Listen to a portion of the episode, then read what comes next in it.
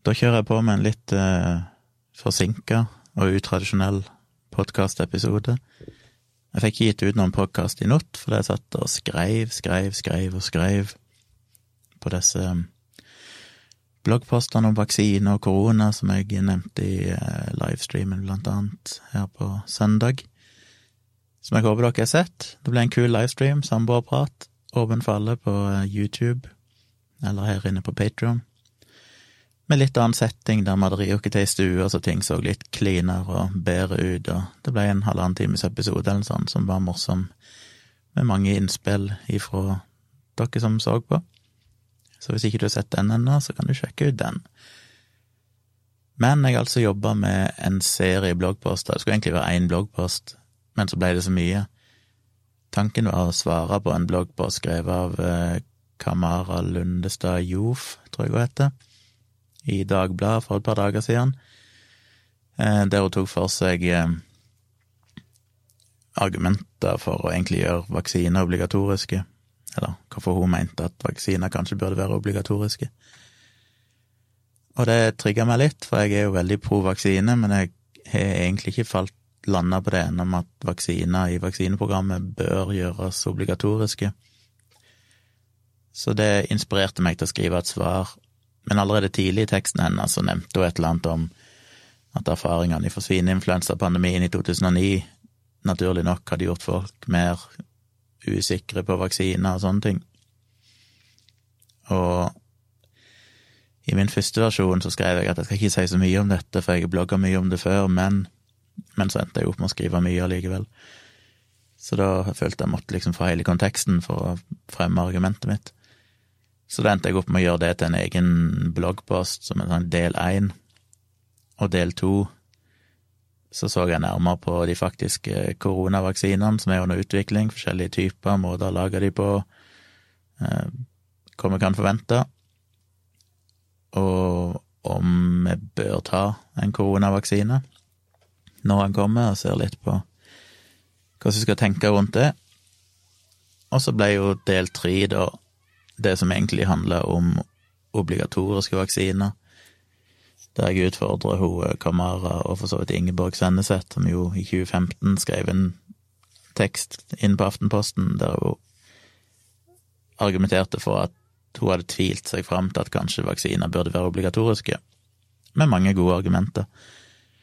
Men jeg er likevel litt uenig, og endte opp med å skrive da en del rundt det, der jeg så litt nærmere på hva forskning og erfaringer fra andre land har vist angående det å, å gjøre vaksiner obligatoriske.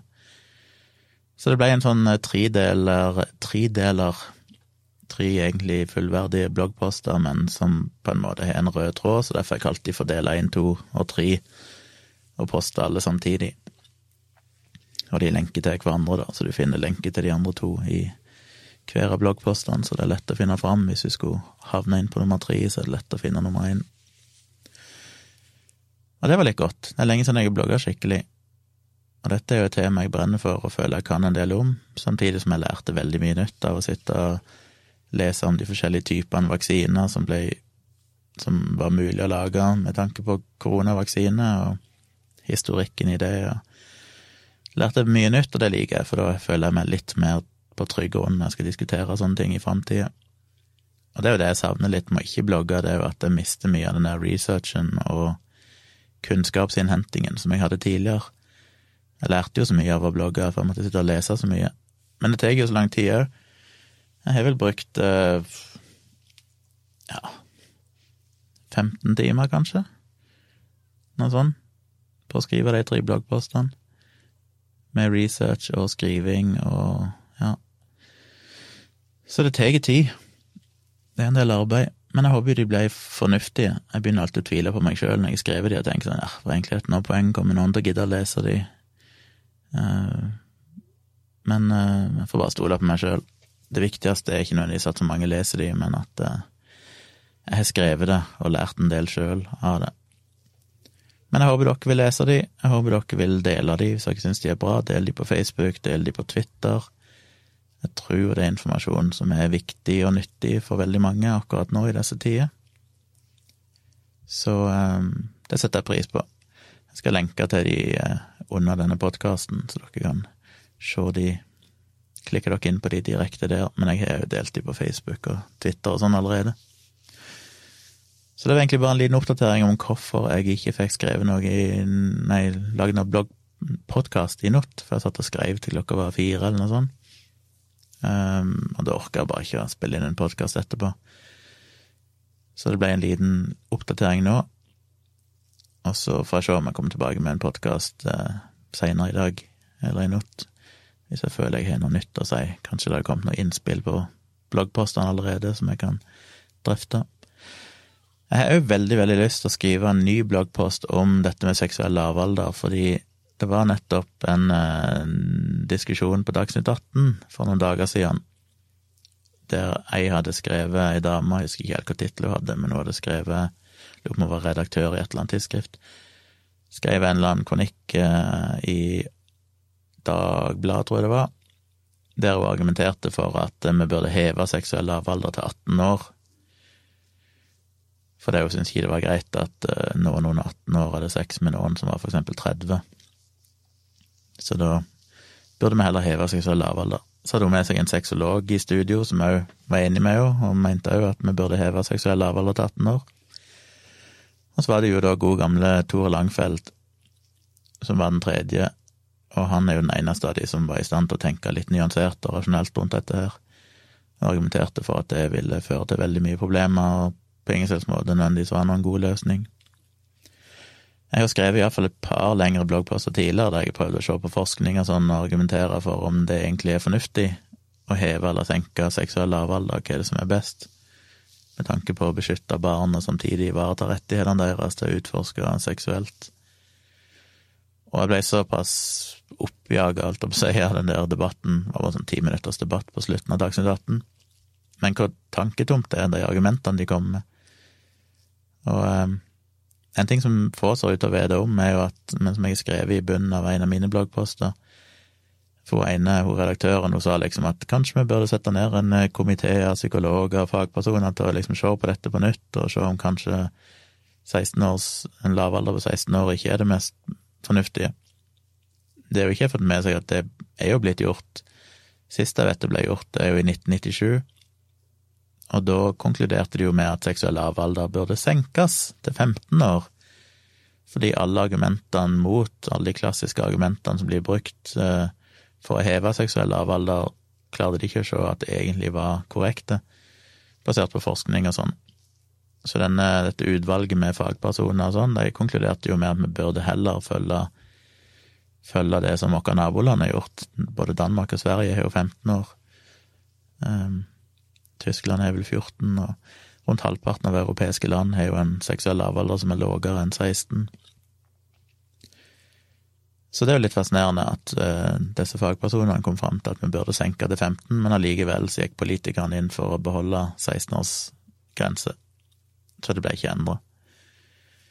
Um, ehm, så det er jo interessant, og jeg har sitert litt fra de drøftingene de gjorde der for å belyse litt det, hvorfor disse fagpersonene mente at det faktisk var mer fornuftig å senke den enn å øke den. Sjøl har jeg jo argumentert med at vi kanskje burde gjøre sånn som Tyskland og ha en seksuell lavalder på 14 år, for å unngå alle de der absurde tilfellene der en 17-åring og en 15-åring, eller en 18-åring og en 15-åring som har vært kjærester i tre år, har sex, og så blir den eldre parten da dømt for dette fordi det per definisjon er et slags overgrep, bare basert på alder alene. Um, og heller si at for å unngå de tilfellene, så bør vi heller senke seksuell lavalder, men styrke på en måte vernet til unge helt opp til de kanskje er 18 år. Eh, I Tyskland er det vel 14 til 16, sånn at du kan teknisk sett ha sex ifra du er 14, men da skal det veldig lite til for å, å kunne straffeforfølge den eldre parten hvis det er mistanker om noen form for press eller tvang eller noen sånne ting. Og det syns jeg er en god løsning, bare at jeg tenker vi kan òg kanskje øke det til 18 år. Fordi det er jo mange som debuterer for tidlig, enten de er 14 eller de er 17.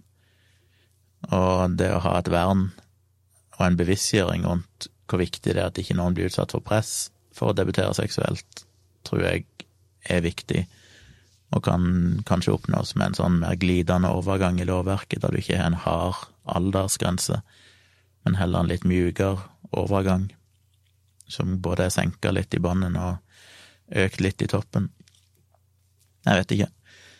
Jeg har iallfall sitert en del forskning fra andre land som, som pekte i retning at det kanskje var en mer fornuftig løsning, og at du ikke egentlig løser de problemene du tror du løser ved å heve seksuell lavalder, for du angriper problemet på feil måte.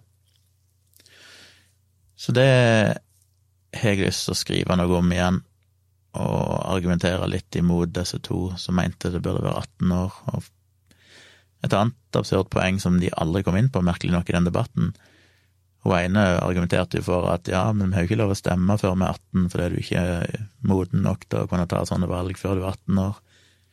Men hun nevnte jo aldri at strafferettslig lavalder er 15 år. Så hvis du banker opp noen, så er du tydeligvis moden nok til å ta ansvar for det når du er 15. Det poenget som jeg har brukt for å sette det på spissen, er jo at hvis ei jente på 15 gir en blowjob til en mann på 20, og det blir oppdaga eller anmeldt, så er det han som er overgriperen, og hun som er offeret. Hvis hun derimot blir forbanna og biter han i pikken, sånn at han får varig men, så er det hun som overgriper han, og han som er offeret. Så hun er ikke moden nok til å kunne foreta et valg rundt seksualitet og eventuell kjærlighet, men hun er moden nok tydeligvis til å kunne ta et valg som handler om hat og vold. Og det er et eller annet der som skurrer for meg. Så jeg føler jo at det ville vært mer fornuftig å hatt en seksuell lavalder som i det minste var lik strafferettslig lavalder. For er du gammel nok til å kunne måtte stå til ansvar for dine ugjerninger når du er 15, så er det veldig rart at du ikke blir ansett for å være i stand til å kunne ta ansvar for om du vil ligge med noen før du er 16. Så det henger ikke helt på greip. Så det er en del sånne ting jeg har lyst til å drøfte i en tekst. I tillegg så er det vel en tredje tekst jeg hadde lyst til å skrive. Hva var det nå igjen?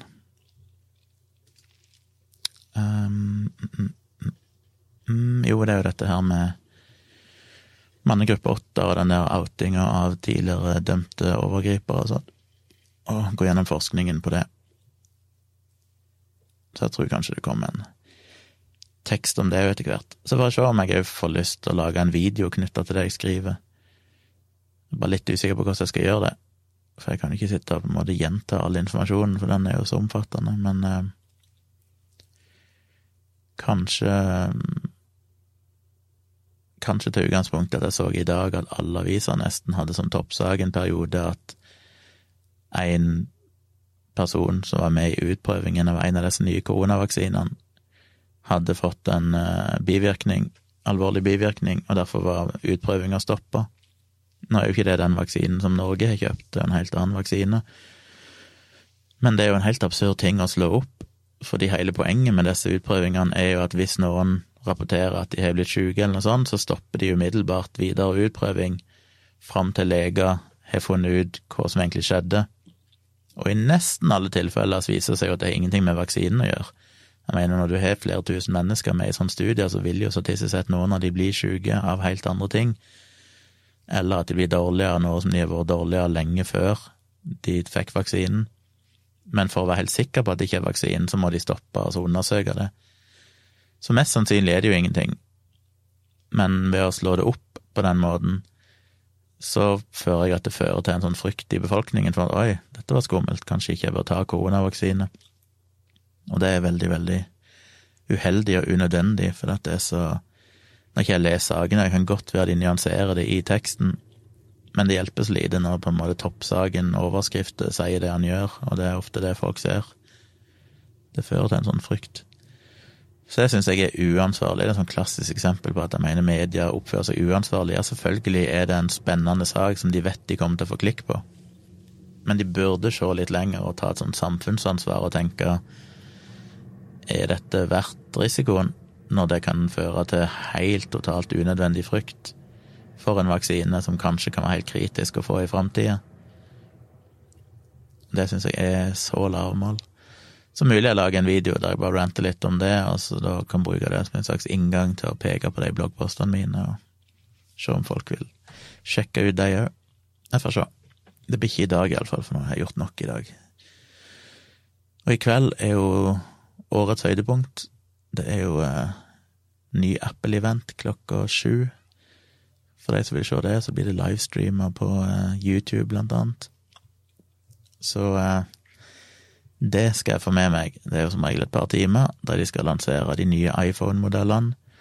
Og så er det jo spennende å se om de lanserer en, den første nye Mac-en, som baserer seg på Apples egne prosessorer, som jo alle er veldig spente på, som sannsynligvis vil bli mye raskere og ha lengre batteritid enn de de har hatt så langt, som bruker Intel sine prosessorer. Um, lanserer de noe nytt på iPad-fronten? Sannsynligvis ikke, det gjorde de egentlig for en måned siden kommer de med Apple Tags, som er sånne små taggene du kan feste på nøkkelknipper eller på andre dingsbomser, og som du da kan spore med iPhone. Så hvis du mister nøklene dine eller mister en gjenstand, så kan du finne ut hvor den er igjen ved å spore denne taggen. Um, ja, det er mye som kan komme. Så jeg er spent på det, og det er alltid like gøy, syns jeg, å sitte og se på det. Så det blir høydepunktet klokka sju i kveld. Og det gleder jeg meg til. Og så er det mye å se på TV. Jeg så det var kommet en ny dokumentar på Netflix nå, en sånn true crime-dokumentar om Jeg husker ikke hva dette men det er sånne drapene som skjedde for Det er ikke så lenge siden, to-tre år siden, i USA, med den tilsynelatende lykkelige familien med en skikkelig kjekk mann og ei nydelig dame. En typisk vellykka, smilende, flott par med tre unger. Der plutselig kona og ungene forsvant og mannen sto igjen gråtende på TV og håpte folk kunne hjelpe til med å finne dem og sånn, og så kom det jo fram senere at han hadde drept dem. Som jeg syns er dødsfascinerende, hvordan en sånn tilsynelatende vellykka og lykkelig familie kan få en så tragisk skjebne, hvordan en sånn mann kan Hva var det som forårsaker at han åpenbart klikka helt og dreper tre små unger, sine egne unger, og kona si? Det skal visstnok være en ganske bra dokumentar for det jeg har lest, så den vil jeg gjerne se. Og ellers så er det jo eh, dialogisk innspilling i morgen, der vi skal ha med produsenten av eh, dokumentaren Estonia, som jeg nevnte tidligere, så hvis noen av dere har sett dokumentaren og har noen spørsmål, når dere lurer på, når dere syns vi bør spørre produsenten om, når dere syns var bra, eller når dere er kritiske til, når dere savner, så skriv gjerne det til meg innen i morgen formiddag, altså helst i løpet av denne dagen så skal jeg eh, prøve å få det med i episoden, for jeg trenger absolutt gode spørsmål å stille. Og det må jeg kanskje gjøre i kveld òg. Oppdatere meg litt mer på den saken, sjekke ut litt mer artikler og videoer, for å se om jeg har noen kritiske ting å ta opp med han. Så det var en liten episode. Så får vi se om jeg er tilbake seinere. Sjekk ut bloggpostene mine, som jeg lenker til i shownotes, holdt jeg på å si, på denne episoden. Så høres vi igjen om ikke så lenge.